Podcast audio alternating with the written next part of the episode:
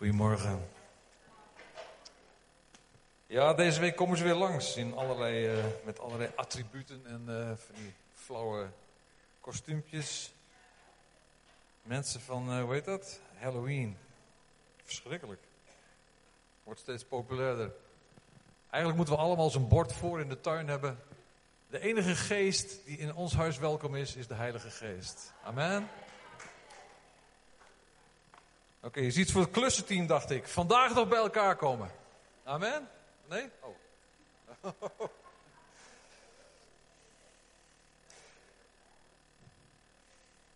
Vroeger zaten wij in uh, Friesland in een kerk in Kollemerzwaag, een heel klein dorpje, maar het was een hele bijzondere kerk. Jozua, en dat was een, uh, een lieve broeder, Ipe heette hij, echt Friese naam, Ipe. Ipe op klompen. En die had op een gegeven moment ook op uh, zondagavond, van de twee diensten dat, zondagavond de prediking. En toen zei hij op een gegeven moment van, uh, wie gelooft en zich laat dopen zal behouden worden. Maar wie niet gelooft zal veroordeeld worden. En als tekenen zullen deze dingen de gelovigen volgen. In mijn naam zullen ze boze geesten uitdrijven. En nieuwe tongen zullen ze spreken. Slangen zullen ze opnemen.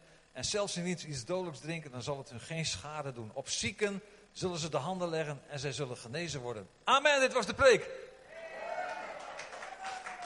Nou, daar zaten we met z'n allen. We hadden ons uh, lekker geïnstalleerd op onze. Het was een, echt een evangelist, die man. En uh, daar zaten we met z'n allen. Heerlijk. Uh, te wachten op wat er ging komen. Hij zei: Amen, dit was de preek. Laten we gaan doen wat we gezegd hebben. Nou, dat nodigde iedereen uit om naar voren te komen. Om te bidden of om gebed te ontvangen. En we hadden een hele bijzondere avond. Ik denk, wow, dat moet ik eigenlijk eens op een zondag ook doen. Maar ja, oké, oké, oké. Het gaat eigenlijk om, uh, hij legde uit dat uh, het, het, woordje horen en het woordje doen in het Hebreeuws eigenlijk diezelfde stam heeft. Dus als je iets hoorde van God, dingen die gezegd werden, betekent het ook dat je het in je leven moest gaan doen. Horen is doen. Dus ik zeg vanmorgen, welkom in de werkplaats van de Heilige Geest. Amen. Wauw. Ja, we gaan met elkaar lezen. Matthäus 18, vers 21. Het is nogal een stukje, maar u kunt meelezen als het goed is. Ja. Toen kwam Petrus bij Jezus en zeide: Heer, hoeveel maal zal mijn broeder tegen mij zondigen? En moet ik hem vergeven? Tot zevenmaal toe? Jezus zei tot hem: Ik zeg u niet zevenmaal, maar tot zeventigmaal zevenmaal toe. Daarom is het koninkrijk van de hemel te vergelijken met een koning die afrekening wilde houden met zijn slaven. Toen hij begon te rekenen, werd er een voor hem geleid die 10.000 talenten schuldig was. Omdat hij niet bemachtigd was te betalen, beval zijn heer hem te verkopen met zijn vrouw, met zijn kinderen en alles wat hij bezat, opdat er betaald kon worden. De slaaf wierp zich neer als smekeling en hij zeide, heb geduld met mij en ik zal u alles betalen. En de heer van die slaaf kreeg medelijden met hem en hij liet hem vrij en schold hem de schuld kwijt. Toen die slaaf wegging, trof hij een van zijn medeslaven aan, die hem honderd schellingen schuldig was. En hij greep hem bij de keel en zei, betaal wat je schuldig bent. En de medeslaaf wierp zich nu voor hem neer en bad hem dringend, zeggende, heb geduld met mij en ik zal u betalen. Doch hij wilde niet, maar ging heen en zette hem gevangen totdat hij het verschuldigde zou hebben betaald. Toen nu zijn medeslaven zagen wat er gebeurd was, werden ze zeer verdrietig en gingen hun heer uh, al wat er gebeurd was meedelen. Toen gebood zijn heer hem en zeide tot hem, slechte slaaf, al die schuld die ik u kwijtgescholden heb, uh, daar gij het mij dringend had gevraagd.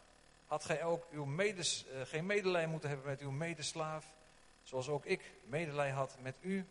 En zijn meester werd toornig en gaf hem in de handen van de folteraars, totdat hij hem al het verschuldigde zou betaald hebben. Alzo zal ook mijn hemelse vader u doen, indien gij niet een ieder zijn broeder van harte vergeeft. Wow. Als je nou met elkaar spreekt over vergeving, ik, ik vergeef, of ik wil vergeven, of ik heb vergeving ontvangen, of je denkt aan vergeving, of je hebt er eens een gesprek over, dan denk je al vaak, In zware termen als, wat nou als er seksueel misbruik is gepleegd?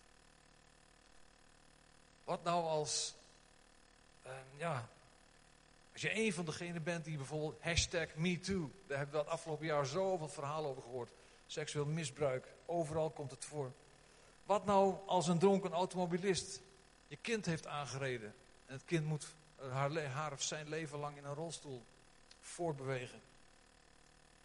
Ongelooflijke onderwerp, heel zwaar in, de, in het licht van vergeving. Wat moet je ermee? Wat moet je ermee? Waarvan je hoopt en bidt dat jou dat natuurlijk nooit zal overkomen. Zulke erge situaties. Soms komen dingen pas jaren later aan het licht. En dan moet je alsnog aan de bak.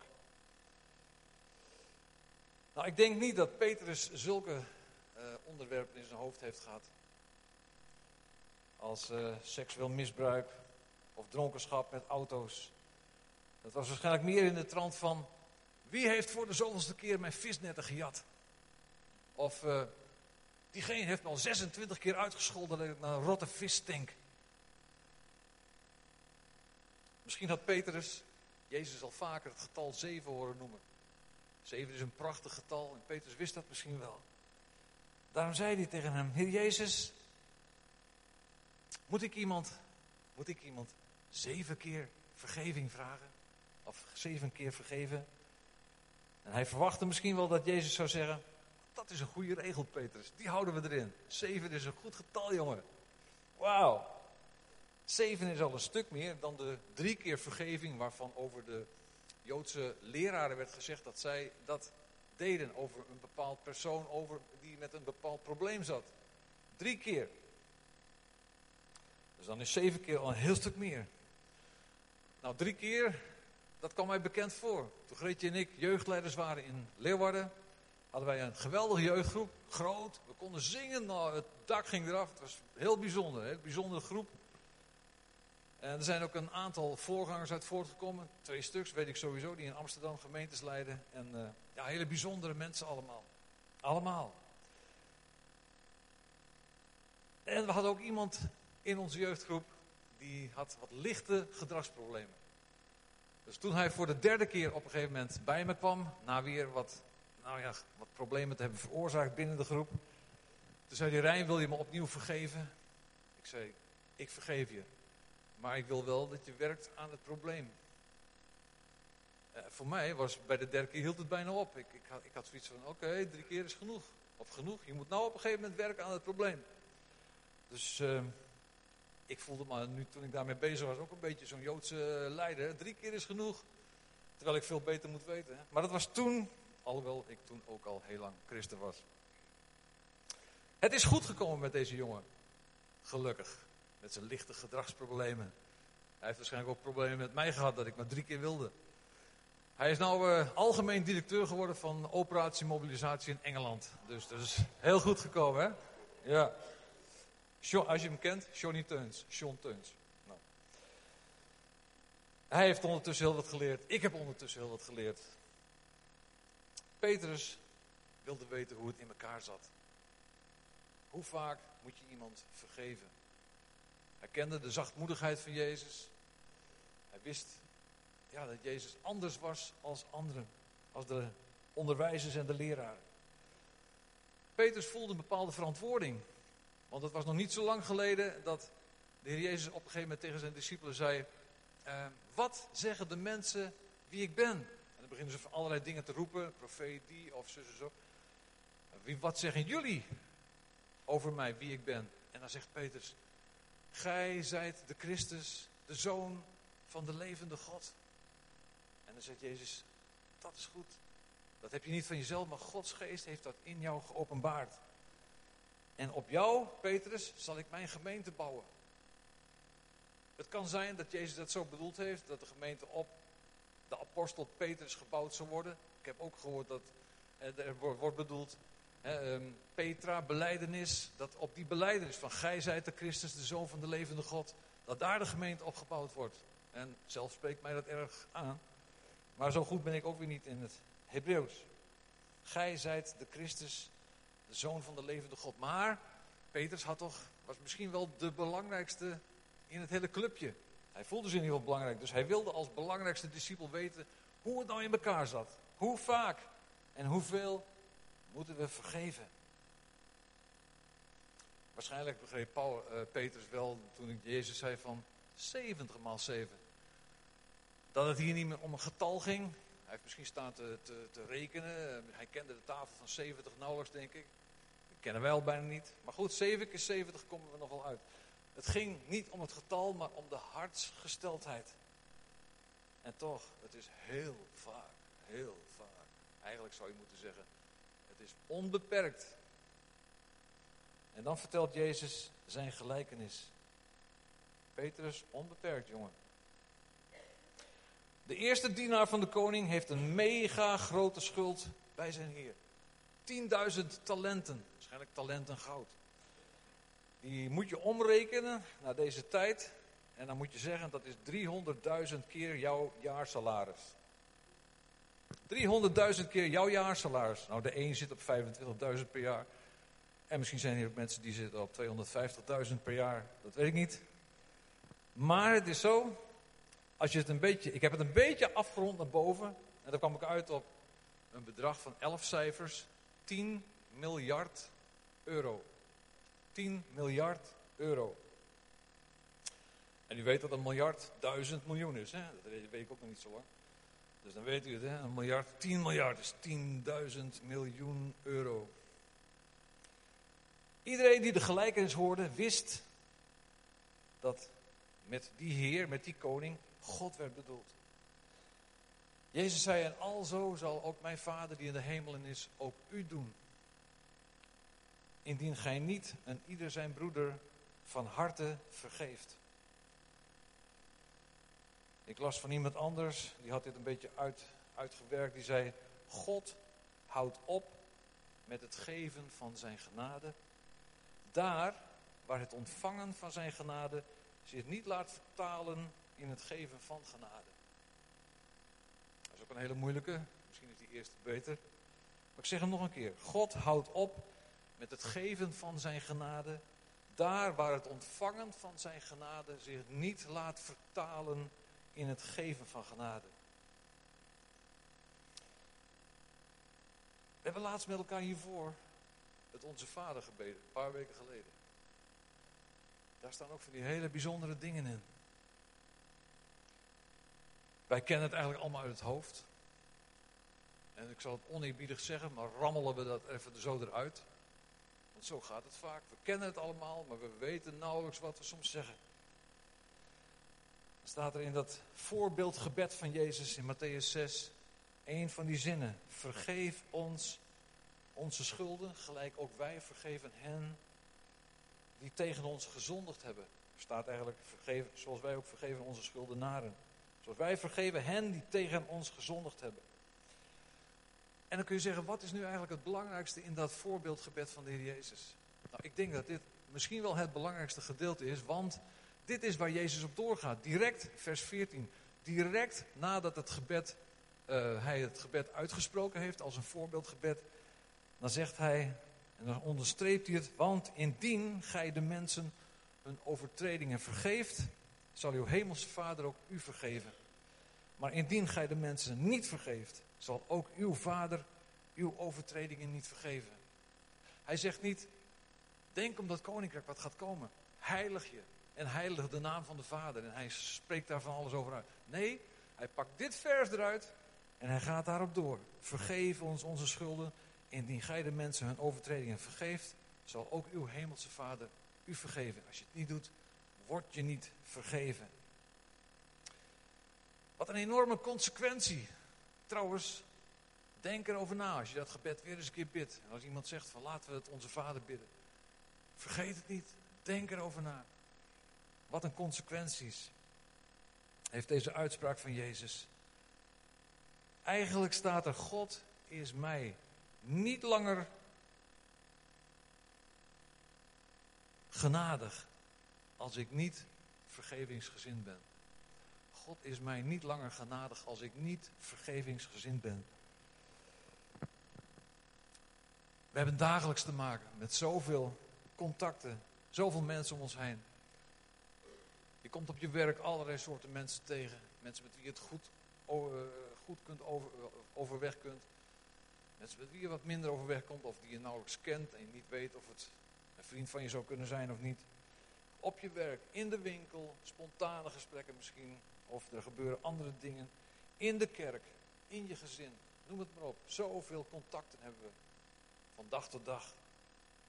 En in al die ontmoetingen kan er zomaar een situatie ontstaan waarin je gekwetst wordt.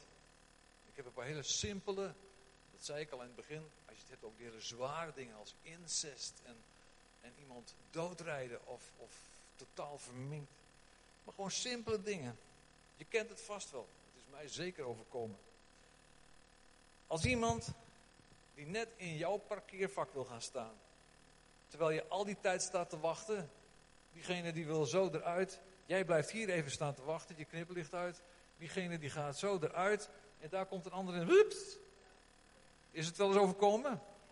Wat zei u? Gezegend ben jij? Ik hoor niks. Oh, wat zei je, Neeltje? Rotzak, kijk. We, hebben, eh, we hebben eerlijke mensen in ons midden. Ik zeg niet dat het goed is. Maar ik heb ook opgeschreven, dan vlamt er woede soms in je op. Dan heb jij staan te wachten de hele tijd netjes met je knipperlichtje aan en uit. Heel netjes. Je zit niet te toeteren. Trouwens, ik moest laatst in dat, dat, dat ziekenhuis van Jacob Jan zijn, waar hij zo'n beetje de baas is. Uh, zat ik ook in de parkeergarage onder. En ik moest er zo uit, ook zo. En het is allemaal wat, nou, een beetje nauwetjes. En uh, toen zat er een man die achter mij, die had ook zijn knipperlicht uit. Maar die stond te dicht op mij. Dus ik kon niet achteruit. Ik kon, ik kon die bocht niet halen. Op een gegeven moment, er stond een auto achter hem. Twee auto's. Op een gegeven moment stond er een rij tot ik weet niet waar. En die man maar, hé, hey, schiet eens op. Ja, ik zeg, ik kan niet jongen, jij moet naar achteren. Ik kan niet naar achteren. Ik zeg, ga, rijd dan door. Ah, ja. ja, vreselijk. Nou goed, dat heeft verder nergens mee te maken, maar... dat waren ook van die parkeerproblemen even, hè. Ja. Maar er vlamt woede in je op als er zoiets gebeurt. Bij mij tenminste soms wel, niet altijd. Je bedenkt een vies woord, wat jij zei, herhalen we niet meer. Of je gaat, uh, nou rotzak, of je gaat de auto vastzetten. Of je denkt van, zal ik er eens met mijn bumper langs gaan? Hele simpele dingen. Maar je voelt je van binnen boos worden. En gekwetst is misschien, ja, maar boosheid. Boosheid en gekwetst zijn. Dat is maar een, een, een heel, een heel dun flensje zit ertussen. Greetje en ik zijn volgend jaar, eh, volgend jaar, volgende maand, 40 jaar getrouwd. Niet dat we een feestje gaan geven of zo. ja, ja, eind, eind november. Ik denk dat we weg zijn. maar, je hebt een feestje georganiseerd. Je hebt het geweldig je best gedaan. Een prachtige locatie zoek je uit. Heerlijk eten. Allemaal leuke mensen nodig je uit bij, op, dat, op die fantastische locatie. En het feestje en het lekkere eten. Nou, het is let the party begin. Alles tipt op in orde. En dan kan je achteraf zo van iemand terzijde of via iemand te horen van ja, die zei tegen mij oh, het eten was ook uh, niks hè. Het eten was niks en die locatie, ja, ja wat moet je hier zo uh, midden in die weilanden. De locatie was niet geweldig. Zeker geen tijd besteed om ons een leuk feestje te geven. Zulke dingen hoor je dan. Dat is maar een voorbeeldje. Dan steekt de eerste beste gedachte op: jij staat de volgende keer niet meer op mijn lijstje. Ja toch? Je bent gekwetst. Jij hebt je best gedaan. De, de party van alle parties. De moeder van alle parties. Puh. Bij jouw eerstvolgende verjaardag bedenk je een smoes om deze persoon weg te houden. Ja, toch? Het was maar een verzinsel, hè? Nu komt er een echt verhaaltje. Um, een paar jaar geleden ging Greetje een paar schoenen halen in de stad. Omdat ze toen al moeilijk liep, maar nog geen aangemeten schoenen had. Ja, was, moest ze iets hebben waarvan ze zeker wist dat dat zit goed. Ze had iets leuks gezien. Ze vroeg de manager of ze de schoenen even mocht uitproberen, maar dan wel thuis. En dat mocht. En na een dag bracht Stott de schoenen terug, want het voldeed niet. En het paste niet goed en het zat niet goed. Maar de manager zag lichte gebruikssporen. En hij wilde ze niet terugnemen, ondanks dat ze had gezegd, hij had gezegd van... Probeer ze maar uit, want ik begrijp het wel, ja. Nou ja, wij maakten een beetje stennis, want uh, die schoenen zijn niet goedkoop. Hij belde met de directeur-eigenaar van de keten en die zei ook direct: Nee hoor. Nu is die eigenaar iemand waar ik altijd goed contact mee heb gehad. En,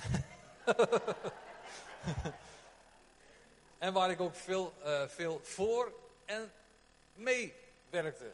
Hij kwam dan als er een nieuwe winkel werd geopend, kwam hij ook vaak wat dingen doen en zo. Ja, leuk, broodjes halen en rijden moet je ook wat, yo. Uh, maar het speelde in dat weekend. En ik voelde boosheid opkomen. Echt, boosheid. En hoe langer het weekend duurde, hoe meer boos ik werd.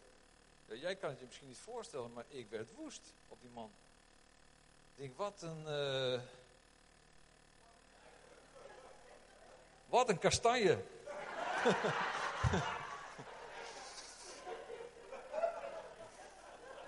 nou, in ieder geval. Wij voelden ons behoorlijk door hem in de tang genomen. Maandag op het werk kwam ik uh, in de werkplaats en uh, mijn werkgever zei: En Rijn, leuk weekend gehad? Ik zei: Man, je moest eens weten. Je moest eens weten, verschrikkelijk. Hij zei: Ik heb flink ruzie met die en die, alleen hij weet het niet. Ja, zo voelde ik het. Ik had ruzie met hem, maar hij had niks met mij, hij wist dat niet. Gekwetst tot in mijn ziel. Maar een paar dagen later was ik zo overtuigd in mijn hart: Dit is natuurlijk niet de weg. Ik moest diegene vergeven. Het viel van me af en tot op de dag van vandaag zijn we gewoon, kunnen we prima werken, hebben we het leuk met elkaar. En uh, als we samenwerken, er is geen spoor van boosheid of gekwetst zijn. En die paar schoenen, hé, wat zijn een paar schoenen in plaats van uh, die vrede in je hart. Ja toch? Dan kost je het maar 150 euro. Maar als je je vrede kwijt bent, dat is onbetaalbaar. We kunnen zo gauw boos en gekwetst zijn. Dat zijn maar hele simpele kleine dingen. Dan zeg je, ja, word je daar gekwetst van? Ja, daar word ik soms gekwetst van. Maar als je daar niks mee doet, met die boosheid of het gekwetst zijn, dan leidt dat tot wrok. Ik las een hele mooie uitspraak. Wrok is versteende boosheid. Versteende boosheid. Dat vond ik echt mooi. Daar kan je wat bij. Uh, boosheid, dat kun je aanpakken. Dan kun je zeggen, oké, ik bid ervoor, ik, ik, ik, ik schenk vergeving. Iemand heeft mij wat aangedaan, ik ben er boos om geworden, maar ik wil het niet toelaten, ik leg het weg. Maar als het wrok is en het is versteende boosheid, dan moet je gaan kappen. Dat kost je veel meer energie, dat kost je moeite dan, dan nou ja. Boosheid kun je redelijk afleggen, maar dan wordt het wrok en doe je daar niks aan, dan komt er een wortel die zich baan een, baan, weg baant in je hart. Het is de wortel van bitterheid. Bitterheid. Het gaat van boosheid naar wrok en van wrok naar bitterheid. En het wordt steeds moeilijker om daarmee te dealen. Steeds moeilijker. Maar misschien is er vanmorgen iemand die zegt, ja, mag je dan nooit meer boos zijn? Zeker mag je wel eens boos zijn. Want er zijn toch van die situaties, ja, maar Efeze zegt, laat het niet te lang zijn. Paulus, die zegt dat zelfs. Laat de zon niet ondergaan over je boosheid. Dat de zon niet onder. Dus eigenlijk zegt hij, maak het vandaag nog in orde. Vergeef die persoon. Denk er gewoon niet meer aan. Het is het allemaal niet waard als je je vrede kwijtraakt. Als je boos, als je boos blijft, dan zondig je. Ram niet met je auto op die van een ander als je parkeerplaats weg is. Dat, heeft het, dat, dat, dat, dat, dat is het allemaal niet waard. Als boosheid of gekwetstheid niet vergeven wordt, dan gaat het je leven beheersen. Dan sta je ermee op, dan denk je eraan. En dan ga je ermee naar bed en dan denk je er nog aan. En hoe langer je ermee bezig bent, des te meer raak je ermee gebonden. En die persoon die weet misschien wel nergens van. Ik zat dus met een, een collega, zat in Roermond op een gegeven moment kwam hij bij mij in de auto en hij zei niks meer tegen me. Niks. Hij pakte zijn verf in rommel bij zo'n zo'n woningvereniging, uh, straatje zo, moesten we een aantal dingen doen. Hij begon daar, terwijl we daar bezig waren. Hm. Hij zei niks. Ik zag hem tussen de middag niet, met koffie niet. Uh, en smiddags om vier uur stond hij weer bij de bus. En, hm. nou, hup, erin en reden we naar Ik wist er nergens van. En dat ging, ik denk wel vier dagen door. Dus ik probeer, probeer. Ik zeg, is er iets of zo? Is er iets dan? Ik wist het echt niet. Echt. Dus toen zei de werkgever op een gegeven moment van... Jongens, komen jullie vrijdagmiddag eens even bij mij? En hij zei, wat is er nou aan de hand? Ja, hij heeft gezegd over mijn moeder. Zijn moeder had kanker. En daar zou ik iets over hebben gezegd wat belachelijk was. Ja, ik zeg, dan ken je mij niet, jongen. Ik. Maar kom. Verschrikkelijk. Ik schrok me wild. Ik denk, ja, dat heeft of iets verkeerd verstaan, of ja, we hebben het uitgepraat. Ik zeg, joh, echt, van mij zul je nooit gekke dingen horen over mensen die kanker hebben. Nooit. Oh, nou, toen was het wel weer oké. Ik denk, ja, hoe lang had dat door kunnen gaan? En hoe heeft die jongen mee gelopen? Woest was die volgens mij, woest. Een week lang. Ja, dan zit je ook bij elkaar in je auto. Het ging zijn leven beheersen. Je blijft in gedachten mee bezig en het probleem wordt alleen maar groter. Je beraamt in je gedachten al een tegenzet. Je ervaart een, een blokkade in je relatie met God. Dat is het eerste wat gaat komen. Een blokkade, dat je niet meer die vrijheid voelt. Je krijgt, je raakt je vreugde kwijt, je raakt je vrede kwijt. Sommige mensen krijgen angsten erdoor. Het, is, het heeft zo'n impact op mensen. En aan de buitenwereld laat je niks merken. Tenminste, dat probeer je. En je verft je tralies met goud.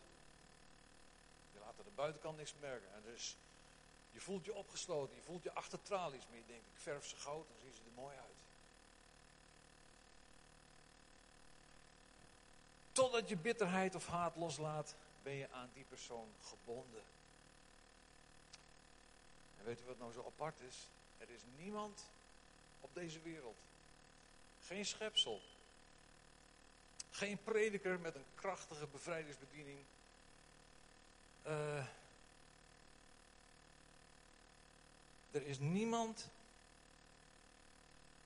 geen gebedsteam, die jou uit die situatie kan redden.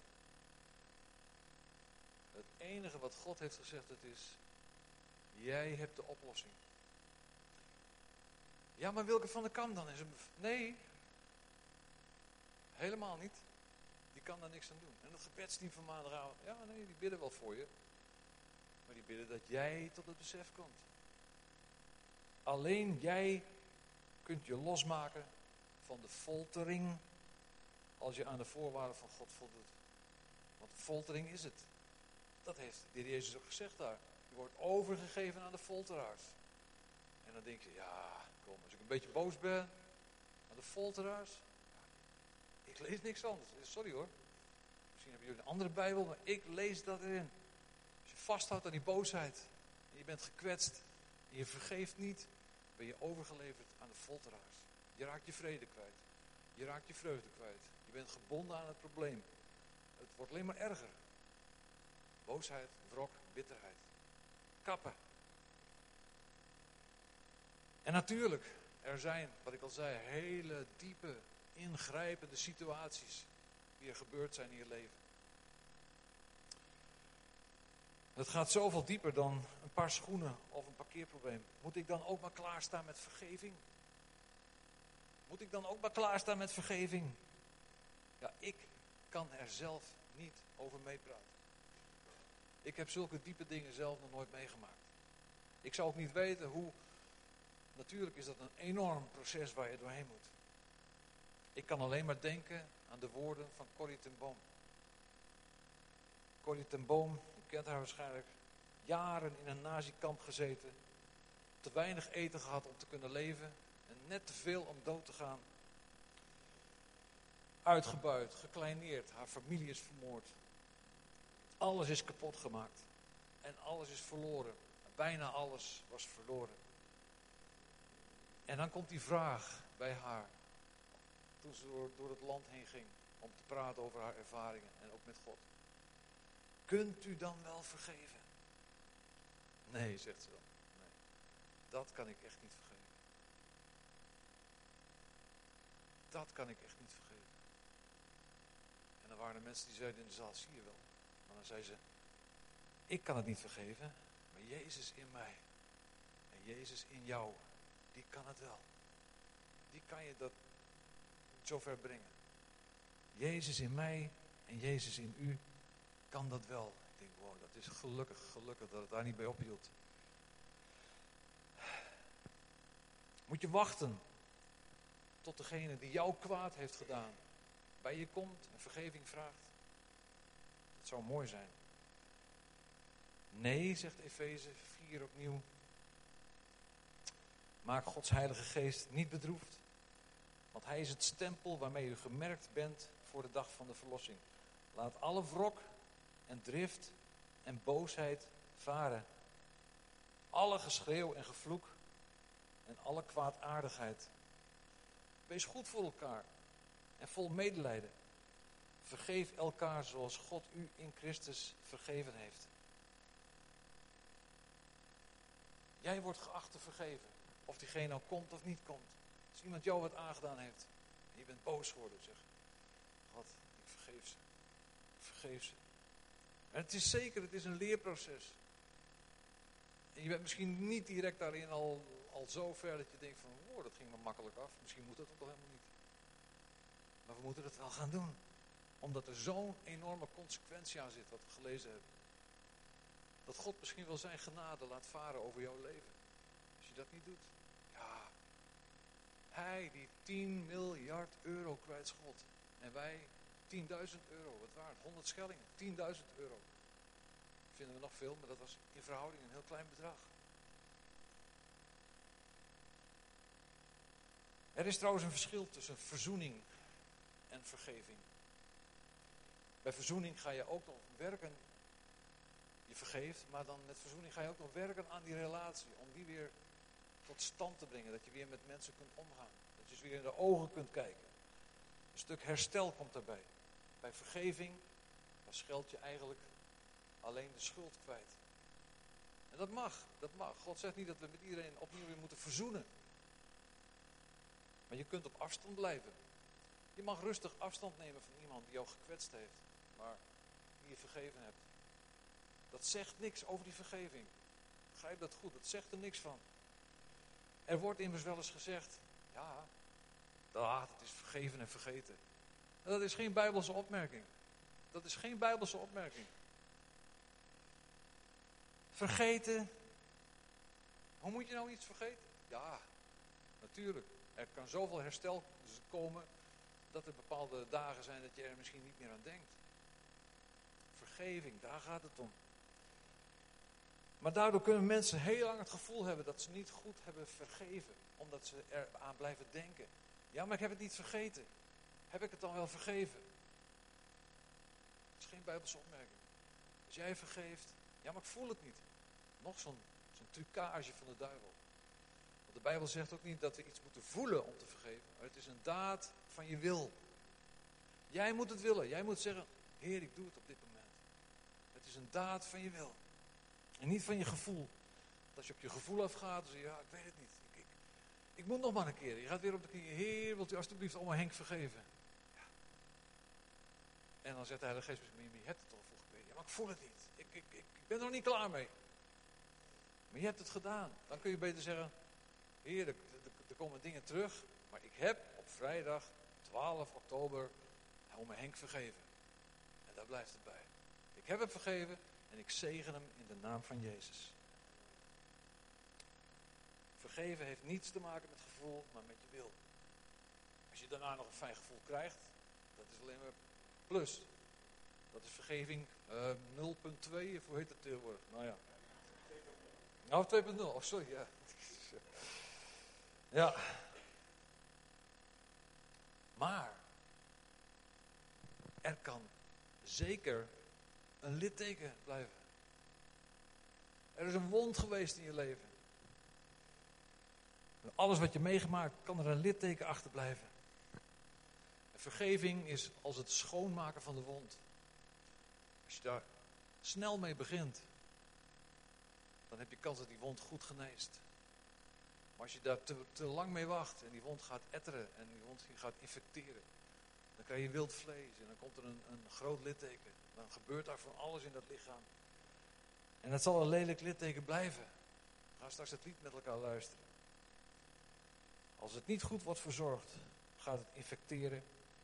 Dus begin direct met het schoonmaken van die wond. Vergeef. Maak het schoon. Met, wat je vroeger? Jodium. Dus als vergeving. Tegenwoordig zul je wat anders hebben. Oké. Misschien dat je bepaalde mensen in gedachten hebt. Waarvan je zegt van... Ja, ja, ja. Iemand die heeft me wat aangedaan. We hadden van de week op de, bij ons op de huiskring zo'n situatie. Dat ineens bij iemand iets omhoog kwam. Het had ook te maken met het geven van vergeving. Het schoot omhoog. En het was jaren geleden. En het barstte uit elkaar als het ware. Er waren tranen, er was geschreeuw, er, was, er gebeurde van alles. Zo diep kan het soms weg, weggestopt zijn. En dan is het wel eens een hele moeilijk, moeilijke wond. We gaan zo meteen het avondmaal vieren met elkaar. En denk eraan, God heeft u 10 miljard euro kwijtgescholden. En u hebt misschien 10.000 euro schuld naar anderen toe. Natuurlijk is het on, ongelooflijk wat God gedaan heeft. Want het bloed van Jezus, dat, dat, dat staat garant voor een enorm voor de schuld. De hele schuld.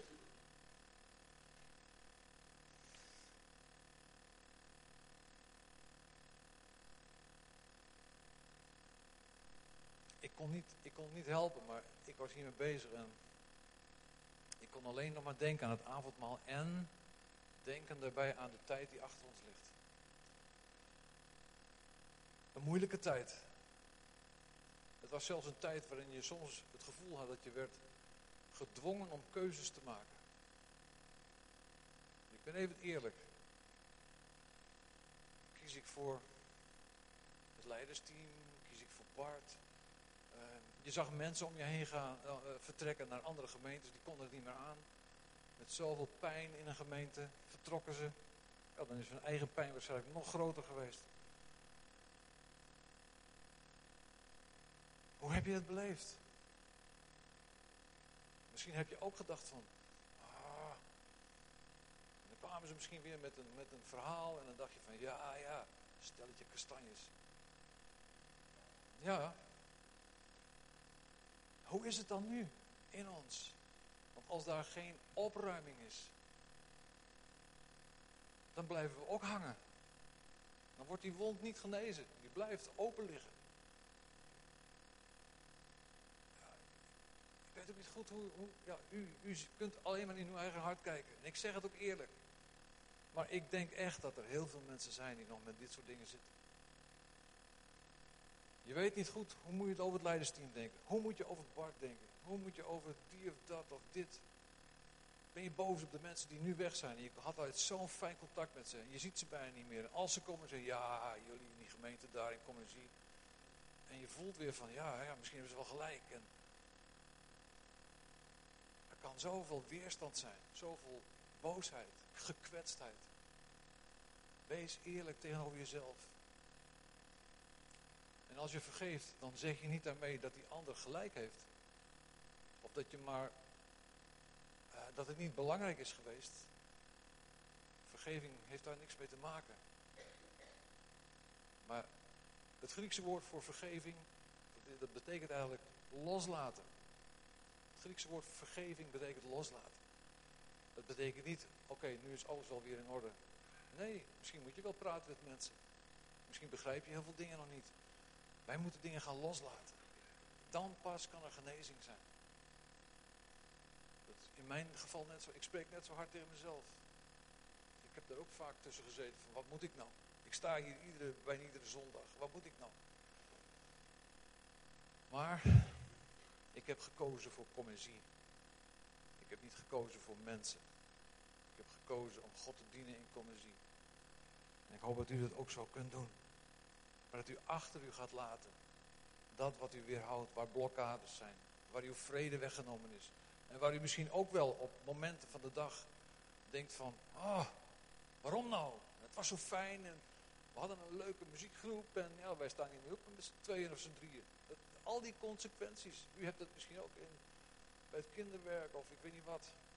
Het heeft heel veel consequenties gehad. Zoveel consequenties dat je denkt, ik kan er rustig drie keer boos om worden. Doe het niet. Ja, doe het een dag. Doe het een dag. Zeg, ik vergeef jullie in de naam van Jezus. Ik vergeef jullie. Ik vergeef jullie. En ik zegen jullie. Misschien is dit woord juist voor u als we avondmaal gaan vieren met elkaar. En op dit moment, als het zometeen rondgaat, dan is het niet te laat. En u hoeft ook niet te zeggen, ik laat het voorbij gaan. Maar u mag op dit moment zeggen, oké, ik voel die dingen ook in mijn hart. En ik maak het nu in orde, God. Ik wil ze vergeven. Ik wil hem vergeven. Ik wil haar vergeven. Ik wil diegene die altijd naast me zat, waar ik het zo fijn mee had en die vertrokken is, gevlucht. Ik wil ze vergeven in de naam van Jezus. En ik zegen ze. Als we dat gaan doen, dan zullen er hele bijzondere dingen gaan gebeuren. Dat geloof ik direct. God is een God van herstel. God is een God van herstel. Zullen we dat doen? Zullen we naar binnen kijken bij onszelf? Laat je niet afleiden, maar denk over je eigen leven na. Hoe sta je in deze situatie? Het kan ook zijn dat andere dingen van familieleden of van mensen van een sportgroep of wat ook omhoog komen. Breng het bij God. Vraag of, of spreek die vergeving uit. En zeg niet daarmee, het was niet belangrijk. Zeker is het belangrijk geweest. Vreselijk impact heeft het gehad. Maar er is alleen maar één manier om tot herstel te komen en dat is om vergeving uit te spreken. Vergeving uitspreken over die situatie, over die mensen. God komt klaar met deze mensen.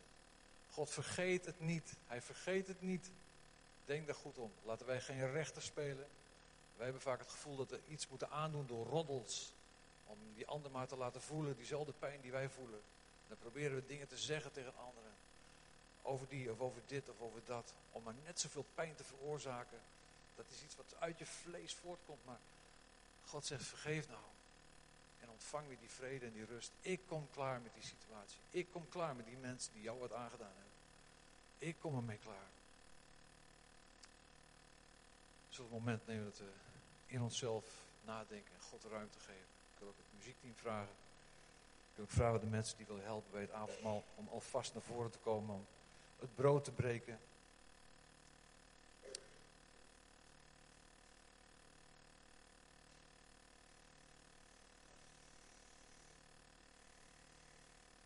En als zometeen eh, het brood en de wijn langs gaat, dan gaan we luisteren naar dat lied wat uh, Marcel Siemer geschreven heeft. Als er vergeving is, dan kan er genezing zijn.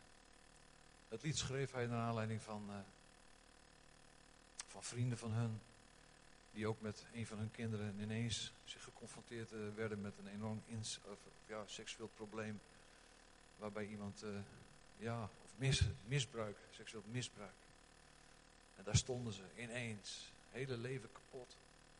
En Marcel die zag dat en die ervoer dat. En toen heeft hij dit lied geschreven voor hen. En later is het bekend geworden. Ja, breek het brood maar vast. En laat het zo meteen rondgaan. Misschien kunnen we wel gaan. Uh, we gaan er even, laten we er even bij, bij onszelf naar binnen kijken. En zo over een paar ogenblikken gaan we luisteren naar het lied. Laat het lied maar horen. En dan mag het brood rondgedeeld worden.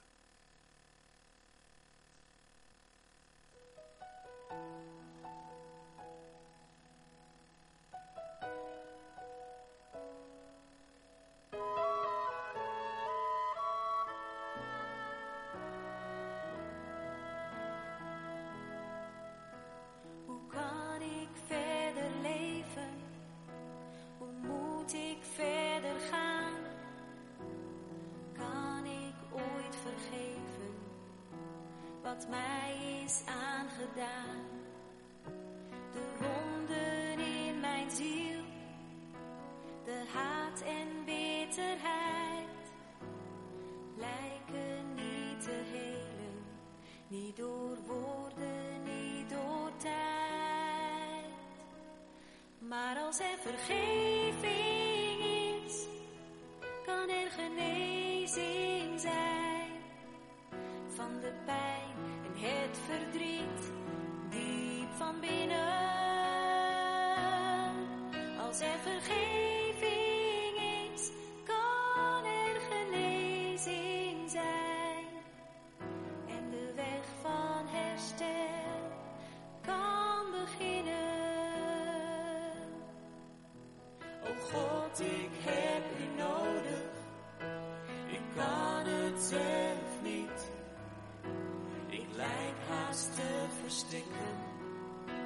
In angst en in verdriet.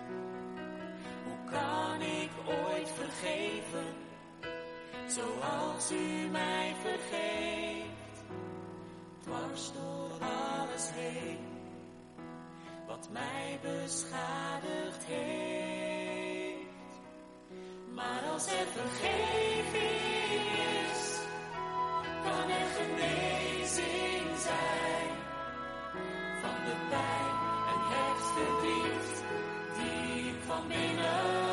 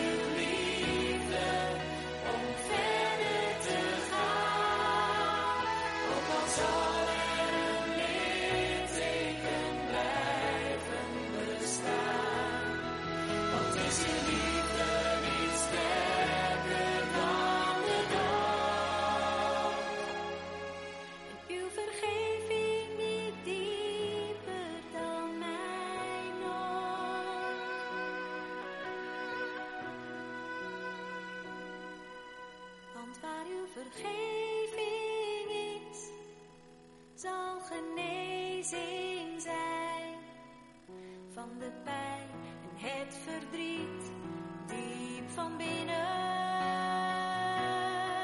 Waar uw vergeving